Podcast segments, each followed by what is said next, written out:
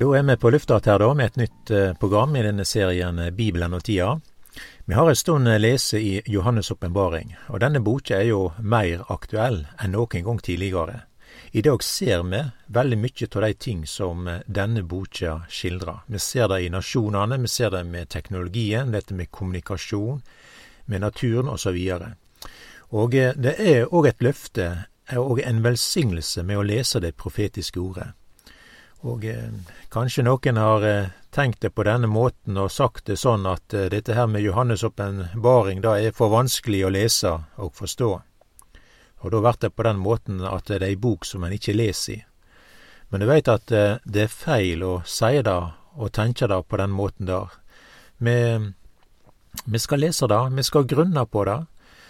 Vi skal ta ordet med inn i vår hverdag, og da vil vi legge merke til at lyset fra profetordets lampe, den gjør oss oppmerksomme. Og det står både i Det gamle testamentet og i Det nye testamentet at mennesket lever ikke bare av brød, men av hvert ord som går ut for Herrens eller for Guds munn. Så her står det hvert ord, og det gjelder også Johannes' åpenbaring. En har jo sagt det her tidligere, da, og streker under det eh, på nytt eh, her, da med tanke på denne siste boka i Bibelen, at eh, Guds menighet det er omtalt i kapittel to og tre. Her blir Guds menighet omtalt i samband med disse sju kirkelyene i Litle-Asia, som da ligger i dagens Tyrkia. Guds menighet er ikke da lenger på jorda, men er representert ved disse 24 eldste, som blir da omtalt eh, i, at de er i himmelen, i kapittel fire der og i kapittel fem. Og her i kapittel fem så er jo også at de 24 eldste, de synger en sang, og det er lammets sang. Og de synger en ny sang og sier, sånn er det skildra i vers ni, Verdig er du til å ta imot boket og åpne segla på henne, fordi du vart slakta og kjøpte oss til Gud med ditt blod fra hver stamme og tunge og folk og ett og gjorde deg til et kongerike og til prester for vår Gud. De skal være hersker på, og som konger på jorda. Og når vi da går videre til kapittel seks og utover, så blir da disse segla brutt, og det er trengsler på jorda. Det er krig, det er konflikter, det er sorg, det er død, det er naturkatastrofer over hele verden. Mennesket er i nød og det er sjukdom og hunger, og av et sånt omfang som verden aldri tidligere har sett. Dette er den store trengsel som vi leser i Bibelen som skal komme, og den er skildra da her ifra kapittel seks i Johannes' åpenbaring. Og eh, derfor er det å streke under at vi lever ikke i Johannes' åpenbaring i kapittel seks eller i kapittel 13 for den del. Guds menighet er da representert og omtalt ved disse sendebrevene i kapittel to og tre. Vi lever i den tida som Jesus omtaler som begynnelsen til føderina. Vi ser hunger og død, vi ser at naturen er i endring, vi ser krig og hører rykte om krig. Jesus sa i Lukas 21 vers 25, Det skal syne seg tegn i sol og måne og stjerner, og, og på jorda skal folket gripast av redsle og rådløysa når hav og brenning bruser. Og i denne anledningen så sa også Jesus da at dette her det er begynnelsen, eller opphavet, eh, opptaket til føderiene. Eh, når vi da leser Johannes' åpenbaring og trengselstida sine begivenheter, at her er det tatt til, så blir det da et aldri så lite stopp her. Det er i kapittel sju. Her blir det da sendt ut disse fire engler ein fra aust og vest og sør og nord. Eh, det er ein engel fra hver himmelretning, eller himmelhjørne, da, og de skal ødelegge fjellene og havet og trærne på jorda. Men før dette vert gjort, så er det da en anna engel som kjem opp med soloppgangen. Det står i vers to her i denne her Johannes' åpenbaring kapittel sju. Og jeg så en anna engel stig, eh, som steg opp fra soloppgangen han hadde den levende Guds segl. Han ropa med høg røyst til de fire englene som det var gjeve å skade jorda og havet, og sa, Skad ikke jorda eller havet eller trea før vi har sett et segl i panna på vår Guds tjenerar. Og disse her Guds tjenerne her, det er jo 12 000 av hver av Israels tolv stammer, så til sammen så er det da 144 000. De får et segl i panna, og det er uttrykk for at de er under Guds eh, vern. Ingen skulle skade dei. Det kan sjå ut som at dette seglet er et navn. Vi finner det att i kapittel 14 her i Johannes' åpenbaring, da. Der står det sånn. Og jeg så, og sjå, lammet sto på Sions berg.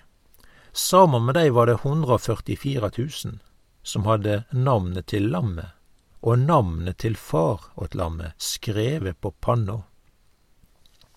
Og Gud har gjennom hele historien merka sitt folk, som sin eiendom, som sine barn. Og når vi leser om Israel, så får de et merke. Det er omskjærelsens tegn, og det er uttrykk for at de er Israel. Det betyr at de er Guds jordiske eiendomsfolk. Vi leste samme om Guds menighet. Vi har også et tegn, et merke, et innsegl, det er Den heilage ande. Vi leser om dette her i Efeserbrevet 1 og vers 13. Der står det om Anden. I Han har det òg fått. Eh, da det fikk høyre sanningsordet, evangelium dykkar frelse, ja, i Han har det òg, da det kom til trua, fått Den heilage ande til segl, som lova var, Han som er pante på arven vår, til dess utløysinga kjem fra eigedomsfolket hans, til pris for Guds herligdom. Så her ser vi da med tanke på trengselstida, og det som skal komme over jorda, at Gud har sine representanter i verden, og eh, disse som er merkte med, da, med lammets navn, de har òg ei oppgåve, og det er å forkynne evangeliet om Guds og lammets rike. Det, kan, det står at de følger lammet hvor det så går. De er kjøpte fra mennesket til ei førstegrøda for Gud og lammet. Det er ikke løgn eh, som er funnet i munnen deira, står det også i Åpenbaringen 14. da. De forkynner sanning, og de forkynner det som har med Guds rike å gjøre. Det er jo mange ganger vi ser at Gud har merka sine barn. Vi ser det i forbindelse Eh, med utgangen fra Egypten. Israel har vært i Egypt og trella for farao i 400 år. Men så er det en utfrielse, og det skjer med dom. Gud eh, dømmer alt det førstefødte da i Egypten, men det er da noen som ikke blir dømt. Og det er de som har tatt seg ut påskelammet for hver sin familie, og har slakta det og strøket blodet på dørkamrene sine. Og de da som satt bak sine blodbestengte dører, de var trygge i dommen. Vi kan eh, seie da at det blodet var deres merke til vern og trygghet. Vi ser det samme om når Israel skal innta Jeriko. Der møter vi kvinna Rahab. Hun skjulte disse her speiderne som var inne i byen. Og det er Rahab som sier til dei at hun visste at Gud har gjeve dei landet Israel. Men Rahab vart verna for ødeleggingane når Jeriko var teken. Men det var jo ikke så enkelt for de andre som skulle ta byen og, og vite hvem Rahab var, og hvor hun bodde, så da vart de enige om at Rahab skulle henge en skarlagensrød tråd i vindauga. Og det var et merke og et seil, signal på at de var trygge. Ei anna skildring kan vi òg ta med her, og det er fra profeten Esekiel kapittel 9. Her er det ei dramatisk eh, hending som eh, blir omtalt, og eh, vi er vitne til. Det er seks personer som skal gå inn i byen Jerusalem og slå i hjel alle som bor der. Men det var noen da som ikke skulle rørast, og det var de som sukker og er i nød over situasjonen Jerusalem er kommet i. Og dette blir da gjort med at de får et tegn i panna si. Jeg kan lese det sånn som det står i Esekiel 9 der, da. Og sjå, det kom seks menn på vegen gjennom den øvre porten som vender mot nord, kvar med det ødeleggende våpenet sitt i handa. Og midt imellom dei var det en mann som var kledd i linklede og hadde skrivereidskap i beltet. De kom inn og stilte seg attmed kåperalteret, og Herren sa til han, Gå midt gjennom byen, midt gjennom Jerusalem, og sette et tegn i panna på de mennene som sukker og jamrer over alt det avskyelige som går føre seg der. Det er jo ikke så lett å forstå det som vi leser sånn, men det er et frafall i folket, og det frafallet har tatt til i tempelet. Så eh, det er der dommen blir ramma først. Her var det da noen som ikke så alvoret og hvordan situasjonen var. Men det var noen som så dette der, da, og de skulle da merkes med et tegn i panna. Det var de som sukker og jamrer, så det er uttrykk for at her er det mennesker som er i nød over situasjonen og over det som skjer. Og disse forbederne skulle ikke røres. De er merkte med et segl i panna. Vel, sånn er det òg i dag med Guds folk, som alt er merkte. Det er Guds menighet, med merkte med Den heilage ande som segl. Og det er uttrykk for at vi er Guds himmelske eiendomsfolk. Det står i 2. Timoteus brev 2 og vers 19 der, da. Men Guds faste grunnvoll står og har dette innsegl. Herren kjenner sine, og hver den som nevner Herrens navn, skal holde seg fra urett. Det som jeg legger merke til når vi leser Johannes' åpenbaring, det er at det er alltid en som etterligner lammet. Det er den vonde. Vi kan sjå det til dømes Eh, med den kvite hesten som vert omtalt i kapittel seks. Det kan sjå ut som at det er Jesus Messias som kjem riande på denne hesten der, den kvite hesten, men med nærare blikk på det, da, så ser vi da at det, det har ingenting med en sann og Guds rikes seier, som da vert eh, er i følge med den kvite hesten, da, men her er det en falsk fred. Vi kan òg lese om lammets brud, og lammets hustru, men vi kan også lese om dyret og kvinna som rir på et dyr. Hun er ei skjøkje. Vi kan òg lese om dyret som har et sårmerke, og det er tale om at ulivssåret som vart lekt, og det står i kapittel 13 etter det, og her i, vers 12, det bruker all makt til det første dyret får auga på det, og det gjør at jorda og de som bor på henne, tilber det første dyret, det som fikk ulivssåret sitt lekt. Så eh, kan vi òg lese at dyret bruker tegn og under for å vinne makt og posisjoner. Det gjør store tegn, kan vi lese. Så dette der, alt dette der er ei sånn etterligning av Jesus. Jesus har ei brud. Antikrist har ei skjøkje. Vi har Jesu naglemerker, og antikristen har også et sårmerke. Jesus som gir tegn, men det gjør også antikrist.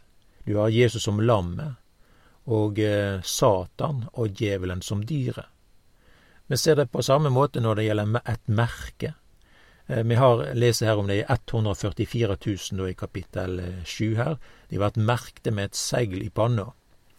Det er Guds og lammets navn som er skrevet der. Og vi ser også gjennom hele historien da at Gud merker sine barn og sine tjenere. Men Antikrist gjør det samme. Han bruker også et merke, og det er et merke i panna. I tillegg så er det også et merke på den høyre handa, og dette minner meg litt om det som Gud sier til Israel. Det er i femte Mosebok, kapittel seks der, du skal binde deg, altså Guds ord, som et tegn på handa di, og det skal være som en minnesetel på panna di og det er også gjengitt i femte Mosebok elleve. Sjå, eller så legg dykk på desse orda mine på hjarta og i hugen, og bind det på handa di som et tegn, og lat det være en minnesetel på panna di. Dette ser vi brukt i Israel av jødene den dag i dag, og de binder reimer rundt handa, det er festet en liten klosse til disse tingene her, der det er skrevet Guds ord på. Men Antikrist, han driver alltid med sånn ett etterligning med det som har med Guds rike sak, dyrets merke i panna, på den høyre handa, og det kan være irisen i auga, eh, eller fingeren av merket, da. For det er vårt personlige merke. Dyrets merke har et tall, og det er tallet for et menneske, les vi. Så eh, det tallet er 666. I kapittelet her som i kapittel 13 her, så er det også skildret at ingen kan kjøpe eller selge uten dyrets merke. Så her ser vi noe av teknologien som på en måte kan lese av irisen sitt merke, eller eh, fingeravtrykket. Når vi leser disse tingene, så ligger vi merke til da at her må vi være tett på. Vi må være tett på Guds ord, være tett på Jesus. Og på denne måten så avslører vi det som er falskt, og det som er bedrag. Vi må være tett på Herren, og det er òg det som bevarer oss i ventetida, i endetida, til Herren kjem, og Jesus kjem snart igjen.